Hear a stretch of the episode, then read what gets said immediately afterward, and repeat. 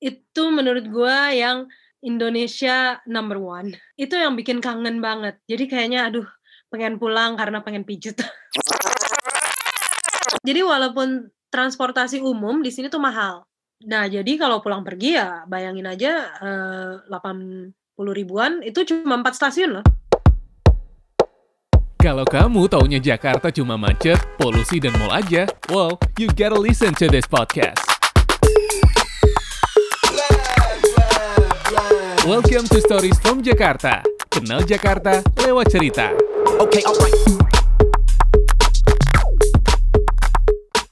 Hai apa kabar? Semoga lo dalam keadaan baik-baik aja ya Selamat datang lagi di podcast Stories from Jakarta Barengan sama gue Farid Dan di episode kali ini gue mau melanjutkan obrolan gue Dari episode yang lalu ya Barengan sama Tasya, one of my good friends Yang lagi ada di Okayama City, Jepang Sekarang kita flashback nih, Bo ya. Hmm. Kenapa sih lo akhirnya memutuskan untuk dari 2012 itu lo cabut dari Jakarta, dari Indonesia Hmm. menetap di luar? Sebenarnya jawabannya adalah kesempatan. Jadi waktu 2012 mendapatkan beasiswa dari eh, pemerintah Jepang untuk sebenarnya teacher training non degree hanya untuk satu setengah tahun. Nah Hmm.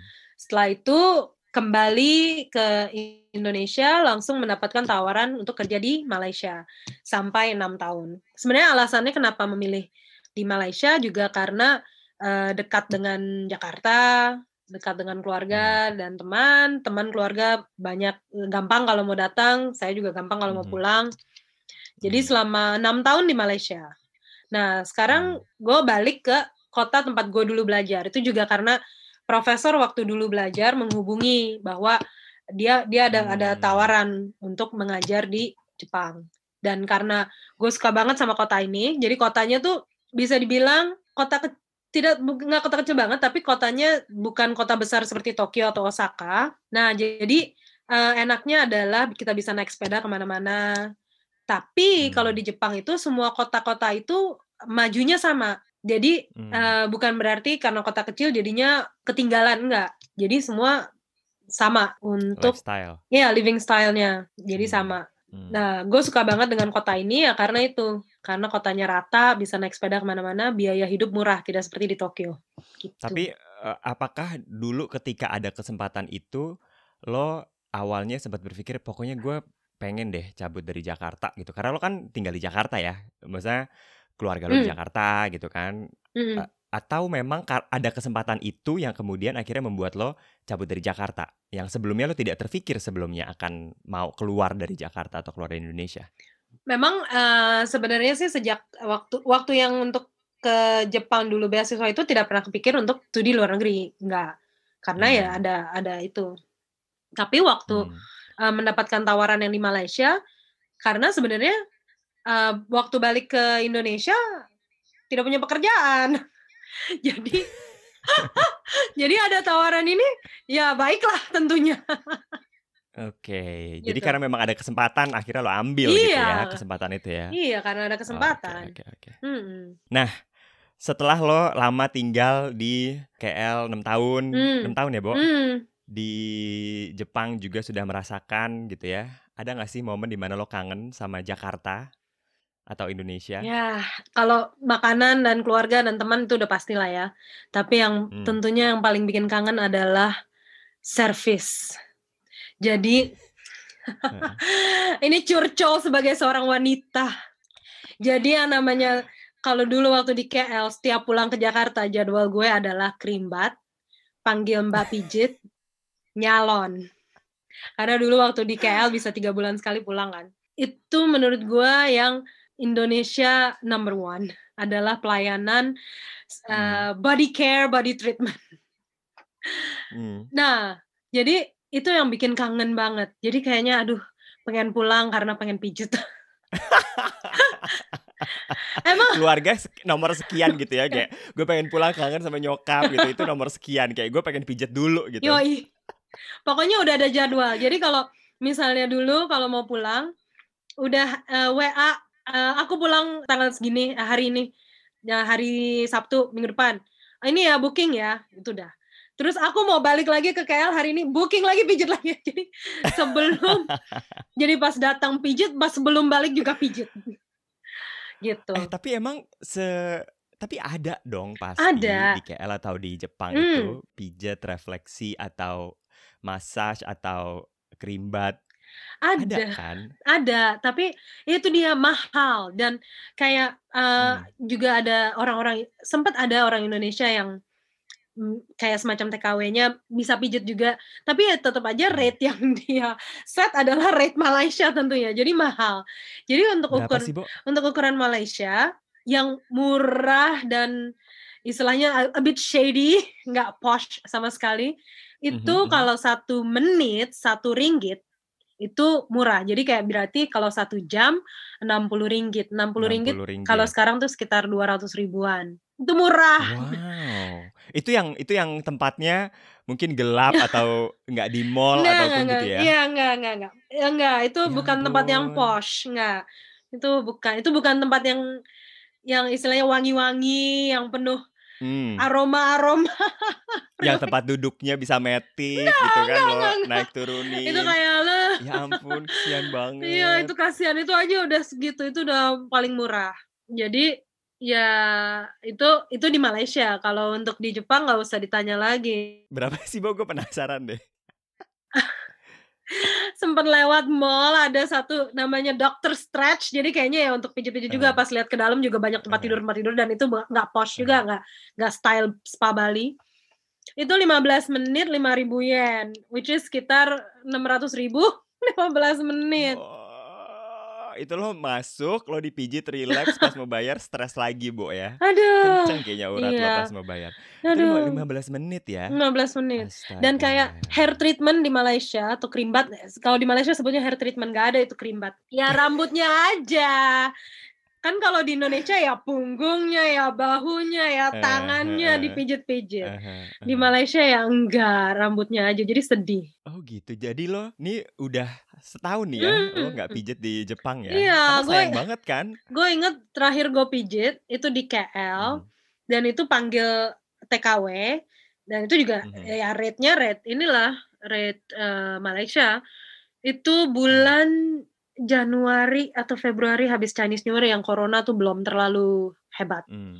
Hmm. Berarti itu udah Hmm. setahun lebih saya nggak pijit.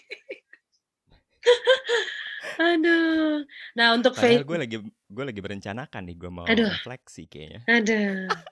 Jadi ya Yang udah. bayarnya cuma seratus ribu, dua ratus ribu. Itu berapa lama? Dua jam. Dua jam. Aduh. Dua jam lah, sampai tidur tidur kita. Aduh. Aduh ya. Dan apa kalau untuk facial udah juga jangan ininya deh. nggak usah ini apa eh, tanya lagi. Jadi kayak misalnya kalau facial di KL itu untuk ukurannya agak posh, agak ya, agak itu Mhm, mhm. satu setengah jam sekitar 500 ribuan. Dan Hmm. untuk di Jepang ya satu jam bisa sejutaan. Jadi ya udah, ya udah menangis di pojokan aja. Untuk hal ini kayaknya memang lebih baik tinggal di Jakarta. Em, untuk itu ya, untuk itu bagian lebih ya. ah, Nah, banget. Nah, tapi tentunya gue yakin ada hal-hal lain yang mungkin lo merasa lebih baik tinggal di luar gitu, baik itu di KL ataupun di Jepang. Nah, Hmm. apa sih perbedaan yang lo rasakan nih untuk tinggal di luar yang dengan di Jakarta gitu, baik secara entah itu bersosialisasinya kah ataupun secara infrastrukturnya kah, gaya hidupnya kah, perbedaannya seperti apa Tash? Nah, kalau misalnya, oh mungkin kalau misalnya infrastruktur ya, memang kalau di KL, waktu tinggal di KL juga lebih banyak jalan sih. Karena kayak misalnya dua kilo dari apartemen ke KLCC, itu ada Hmm. ada jembatannya kan, nah itu jalanin aja gitu. Mhm. Tapi kalau di Jepang juga yang bikin enaknya adalah ke mana-mana naik sepeda. Jadi transportasi gratis. Hmm. Terus udah gitu juga istilahnya fasilitas untuk sepeda itu benar-benar dipikirkan. Jadi kayak trotoar aja eh, lebar untuk sepeda ya. Mungkin kayak di Sudirman ya, kan udah lebar-lebar kan ininya trotoarnya. Nah, Hmm. itu bayangkan Sudirman itu ada di berbagai macam tempat. Hmm, kalau Jakarta kan cuma di situ doang. Hmm, gitu. hmm, hmm. jadi trotoar Sudirman itu di di berbagai jalan tuh ya seperti itu. Lebarnya. Jadi lo bener kan di- dimanjain gitu ya Iya. supaya lo menggunakan eh, sepeda dan juga lo jalan kaki gitu ya. Hmm, hmm, hmm. Tapi kalau transportasi umumnya gimana kalau di kalau di KL eh, karena gue pernah jadi menurut gue juga KL transportasinya lebih baik sih ya secara Hmm. terintegra lebih terintegrasi ya antara si bus sama si keretanya keretanya apa sih bu kalau di KL gue lupa sebutnya Eh, ada LRT yang yang ini kan yang ringan. Eh, MRT Mhm. yang seperti di Singapura tuh yang mass rapid tuh juga udah ada. Mhm, mhm. Terus nah itu eh, kan eh, hmm. everything is Iya, integrated ha-ha, gitu kan monorail juga ada. Di KL banyak sih. nah kalau di di Jepang seperti itu juga kah transportasi umumnya Iya, kalau di Jepang juga apa di sini di kota ini ada tram, ada masih ada tram kalau di sini. Hmm. Ada tram, ada bis dan eh, semua kereta lokal ada ya. Dan kota Hmm. ini juga punya stasiun Shinkansen. Jadi berarti kota ini termasuk kota yang dimampirin sama Shinkansen gitu. Jadi Hmm. Shinkansen eh, untuk ke mana-mana gampang ke prefektur lain cepat. Nah, kalau lo sendiri, Hmm. kenapa menggunakan memilih untuk menggunakan sepeda? Kenapa nggak lo naik transportasi umumnya itu? Nah, itu dia karena di sini transport ya untuk kereta. Jadi misalnya gue biasa ada ada salah satu kota dekat kota tempat gue tinggal ini. Jadi di situ ada outlet. Nah, itu Hmm. empat stasiun aja dari kota ini. Itu biayanya 330 yen atau sekitar 43 ribu Hmm, dan mahal. Jadi lumayan ya, hmm, mahal ya. jadi walaupun transportasi umum di sini tuh mahal. Nah, jadi Hmm. kalau pulang pergi ya bayangin aja eh, 80 ribuan itu cuma empat stasiun loh. gitu. Hmm, oke. Berarti karena selama ini kan kita mikirnya transportasi umum tuh harus murah gitu Iya. supaya orang pakai transportasi umum, tapi ternyata nggak juga, Nggak juga, ya. Kayak di nggak. Jepang pun mahal Di gitu. Jepang mahal. Jadi bahkan Hmm. eh, kayak seperti misalnya Shinkansen itu eh, bullet train itu bisa seharga pesawat karena eh, Hmm. di Jepang itu semakin cepat semakin sedikit waktu yang dibutuhkan semakin mahal. Jadi ya time is money itu benar-benar persis. Hmm. Terus berarti apa yang membuat orang-orang karena setahu kita kan mereka juga tidak menggunakan motor ataupun mobil ya tidak semasif di Hmm. Jakarta atau di Indonesia gitu ya. Apa yang membuat orang tuh justru akhirnya nggak menggunakan kendaraan pribadi kalau transportasi umum tuh mahal Tash? Nah, berarti transportasi pribadi lebih mahal lagi. Jadi kan di Jepang ini kan Hmm. eh, Jepang kan tidak punya minyak, ya kan? Jadi Hmm. importir minyak, jadi tentunya lebih mahal lagi. Dan untuk mendapatkan SIM di Jepang itu juga susah. Hmm. Ya, itu mahal dan susah. Jadi makanya eh, tetap di Jepang itu di sini mobil atau kendaraan pribadi itu sangat minim dibandingkan di Jakarta. Di Tokyo pun kalau untuk perbandingannya dengan Jakarta kan perbandingannya Tokyo lah ya. Di, Betul, betul. di Tokyo pun kalau dilihat-lihat juga apa dengan dengan segitu banyaknya orang lebih banyak tetap lebih banyak orang yang memilih naik kereta gitu Hmm. dibandingkan naik mobil pribadi karena ya itu mahal sangat-sangat mahal bah, biaya gasoline Hmm. Atau mungkin mereka juga ada yang namanya alat transportasinya itu jadi ganti-ganti gitu kali ya. Jadi mereka dari Hmm. rumah ke stasiun kereta naik sepeda, terus udah gitu diparkir karena ada tempat parkirnya di Hmm. sepeda di stasiun, terus Mm-mm. mereka naik kereta, terus begitupun akhirnya dari tempat tujuannya ke tempat berikutnya juga mungkin mereka jalan milih jalan kaki Iya, jalan gitu kaki. karena udah terintegrasi gitu kan. Mm-mm. Ya, ya, ya. mungkin itu yang yang akhirnya juga bisa ditiru ya dari dari Jepang ya nggak sih, Bo? Iya menurut gue dan selain itu juga pasti kalau di stasiun ada rental sepeda memang di Jakarta juga ada kan sekarang yang bike app app Hmm. seperti itu yang bisa Ya, ya, ya, ya, ya, ya, Nah. ya, ya. Rental sepeda tuh ada berarti Nah, dan ya. ini tidak hanya di stasiun besar, di stasiun-stasiun kecil, lokal-lokal stasiun juga pasti ada. Jadi keseringan ngelihat Hmm. eh, pegawai-pegawai gitu yang pakai jas, tapi naik sepeda-sepeda kecil itu untuk sepeda nyewa itu. Nah, selain itu, kalau dari selain si transportasi itu, menurut lo apa lagi yang kira-kira pemerintah Indonesia atau orang Indonesia nih bisa tiru gitu dari dari Jepang atau dari KL? Menurut gue kalau di Jepang ini sih eh, manajemen sampahnya pasti. Jadi kalau di sini ada jadwal untuk buang sampah. Jadi sampah tuh nggak akan kelamaan di luar gitu. Kan tentunya nggak nggak sedap Hmm. dipandang dan tidak sedap dihirup.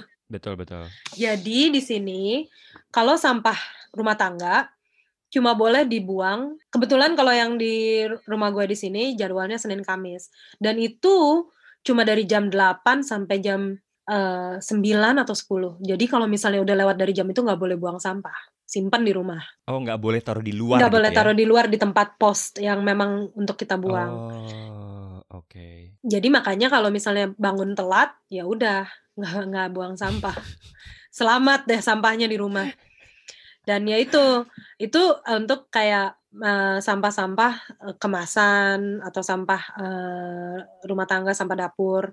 Tapi kalau untuk sampah Hmm.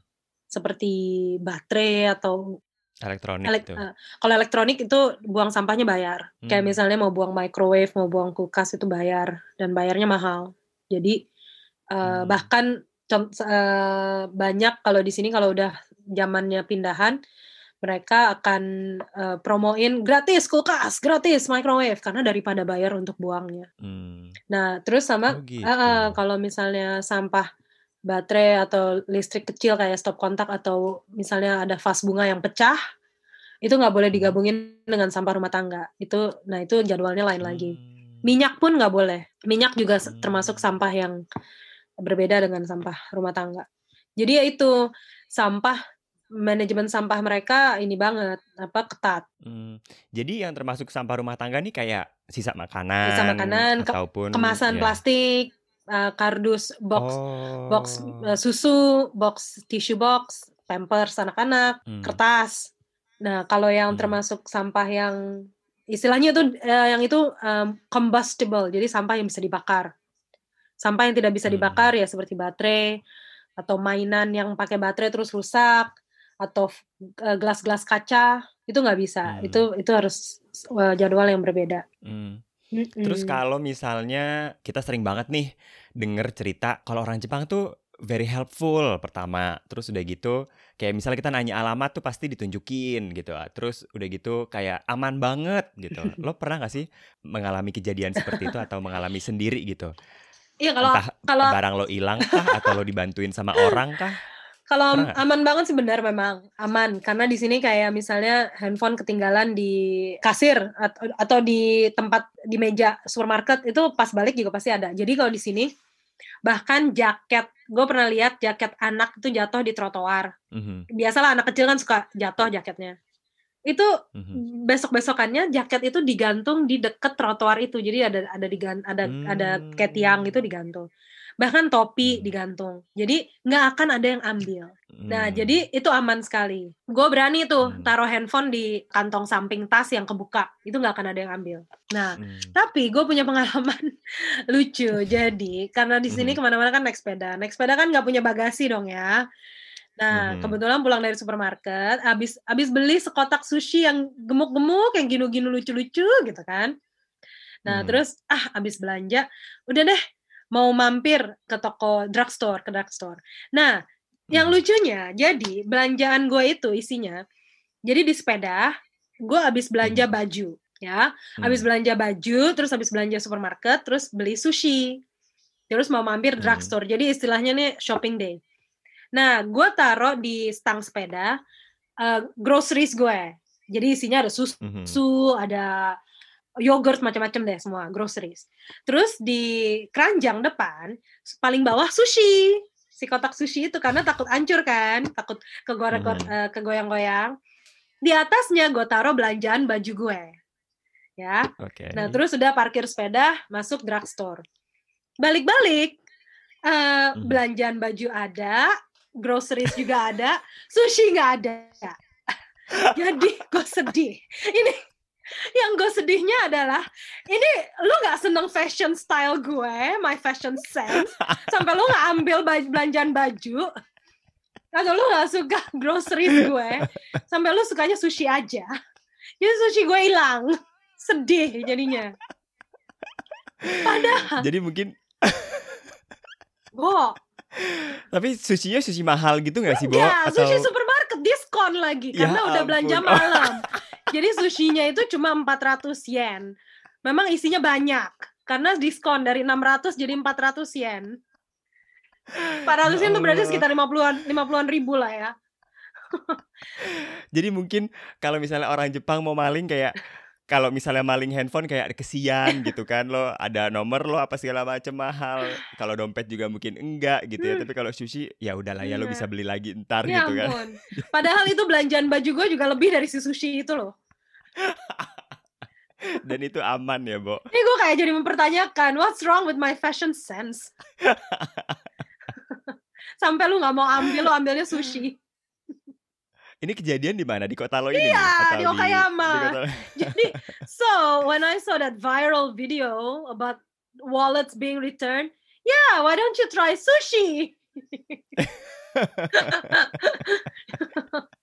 Jadi ya itu. Sushinya udah habis kayaknya nggak mungkin dibalikin soalnya. Nah, itu kalau misalnya di Jepang ya. Hmm.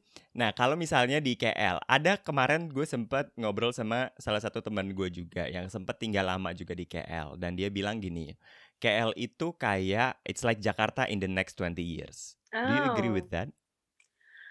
Ah, sebenarnya sih enggak.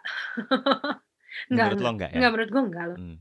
Menurut gue, Mirip berarti lebih mirip ah mirip, Jakarta. menurut gue mirip. Karena menurut gue yang mungkin itu uh, point of view-nya hanya dari beberapa sektor. Jadi misalnya mungkin dari transportasi.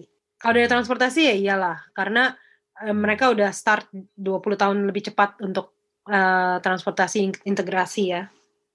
Integrated. Hmm. Tapi kalau untuk ukuran kayak contohnya mall aja. Hmm.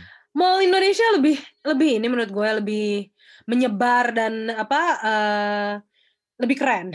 Jadi Hmm. dan eh, kayak gini loh, kalau di suburb kalau di KL suburbnya itu langsung jatuh beda banget dengan city center. Jadi sehingga Hmm. kayak eh, orang lokal di KL itu kayak nggak pernah ke city center sama sekali. Dan beda banget Hmm. karena gue pernah tinggal di suburb, gue pernah tinggal di ci- city center. Itu jauh banget perbedaannya. Sedangkan kalau di Jakarta, lu tinggal di city center, gue ukurannya city center adalah Sudirman lah ya. Hmm, hmm, Sudirman, lu punya mall GI lah ya. Tapi Hmm. ketika lu di Jakarta Barat, lu juga punya mall yang cukup decent dan bagus lah. bagus. Ah, bagus dan keren gitu. Nah, kalau Hmm. di KL enggak. Begitu lo ke Hmm. suburb, mall lu tuh jedang gitu. Jadi, Hmm. tapi kalau transportasi ya iya. Tapi kalau untuk kayak lifestyle itu jauh. Hmm. Dan kalau menurut gua kalau untuk untuk ukuran fashion, lifestyle Hmm. itu menurut gua sama, tapi perbedaannya di KL adalah expatnya banyak. Jadi mau nggak mau pasti lebih mengcater untuk expat. Jadi kelihatan lebih posh dibandingkan Hmm. Jakarta. Walaupun memang di Hmm. Jakarta pasti banyak di city center banyak yang posh atau yang ini. Nah, tapi kalau gue lihat untuk di KL itu akses untuk maksudnya gimana ya? Jadi kayak kalau misalnya di Jakarta mungkin kan sangat di Kemang doang ya atau di ya, iya, yang di, area-area. gitu. Iya. Nah, kalau di KL tuh enggak. Kalau di KL tuh nyebar gitu. Khususnya di city centernya Hmm. tuh nyebar di mana-mana ada. Hmm. Dan ya untuk untuk untuk tentunya untuk expat living memang KL itu lebih eh, inilah lebih convenient karena mereka bahasa Inggris Oke. satu komunikasinya. Jadi kayak Hmm. pelayan-pelayan di apa restoran kaf, maksudnya restoran-restoran kecil ya maksudnya kayak warung-warungnya aja bisa bahasa Inggris nah itu yang mungkin Hmm. dilihatnya 20 tahun ahead tapi menurut gue sih enggak Hmm.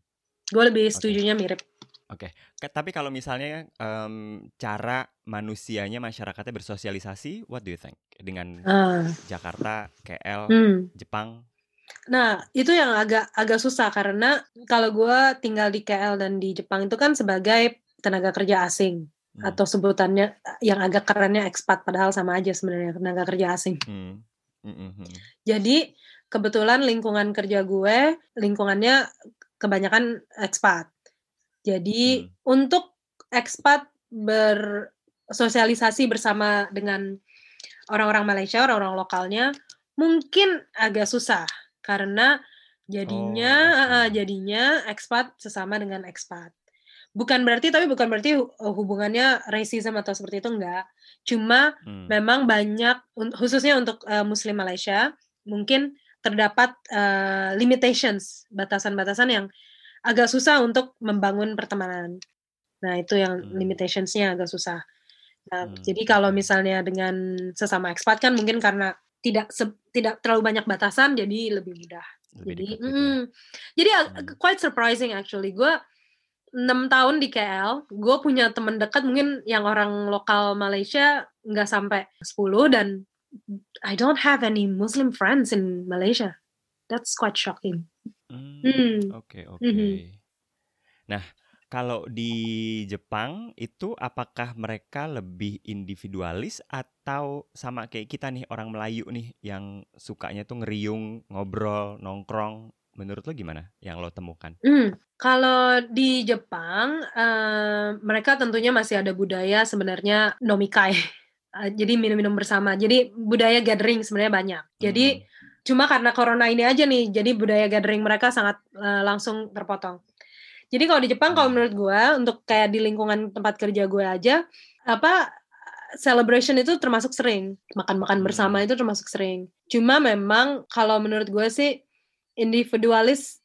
Jadi gini, kayaknya mungkin kalau misalnya di kota besar iya, cuma kota kecil mereka nggak terlalu seperti itu. Jadi mereka sangat ingin membantu dan tapi tentunya tidak tidak apa seperti di Indonesia yang kalau misalnya kita bertanya semua orang ngumpul ada apa ada apa ada apa gitu enggak.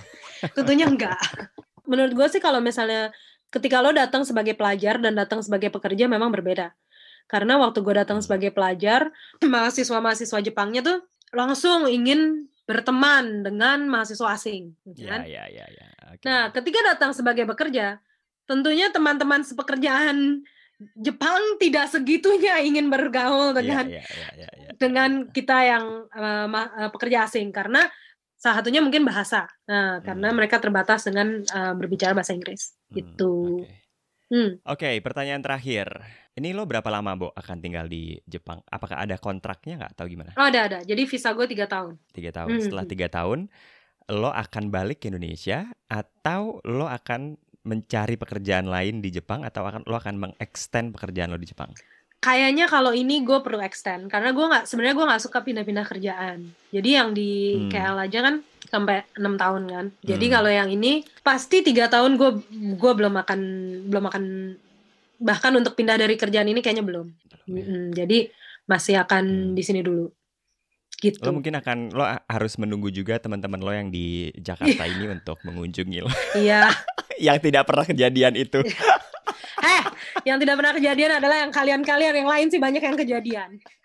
iya, maksudnya gue dan satu pasangan lagi yang repot banget mau nyari paspor doang. Iya, Bo. Terus kayaknya di sini gue harus nunggu sampai tourism dibuka lagi ya. Iya, jadi, pasti. uh, uh, jadi itu yang ditunggu juga. Oke lah, Mm-mm. kalau begitu. Mm-mm. Thank you Tasya. Yeay, sama-sama Farid. Sehat-sehat ya. Iya, sehat selalu ya. Sampai ketemu lagi. Oke, bye.